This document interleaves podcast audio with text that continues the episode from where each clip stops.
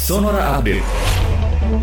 Sahabat Sonora, Presiden Joko Widodo sore nanti di Istana Negara Jakarta dijadwalkan melantik kembali Kepala Badan Koordinasi Penanaman Modal Bahlil Lahadalia menjadi Menteri Investasi merangkap Kepala BKPM.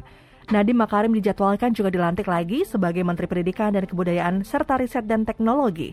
Sementara Menristek Dikti atau Kepala Badan Riset dan Inovasi Nasional Bambang Brojonegoro mengundurkan diri, digantikan oleh Laksana Trihandoko yang kini Kepala LIPI.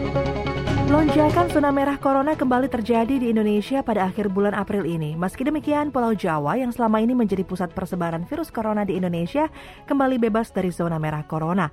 Merujuk situs covid19.go.id, Satgas Penanganan COVID-19 mencatat ada 19 daerah berstatus zona merah corona per 27 April 2021.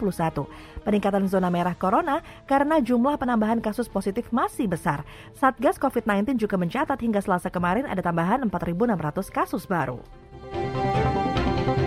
Direktur Gamaleya Center pengembang vaksin Rusia Sputnik V untuk COVID-19 meyakinkan bahwa vaksin mereka cukup ampuh untuk mengatasi varian virus corona baru yang merebak di India. Dikutip dari kantor berita TASS, vaksin Sputnik buatan Rusia ini memberikan antibodi yang cukup untuk memerangi strain, strain dari virus India. Vaksin Sputnik menghasilkan antibodi 80 kali lebih banyak dari yang diperlukan untuk menetralkan virus dalam organisme yang terinfeksi. Pernyataan ini dikeluarkan setelah mutasi baru muncul di India yang mendorong tsunami COVID-19 dalam seminggu terakhir.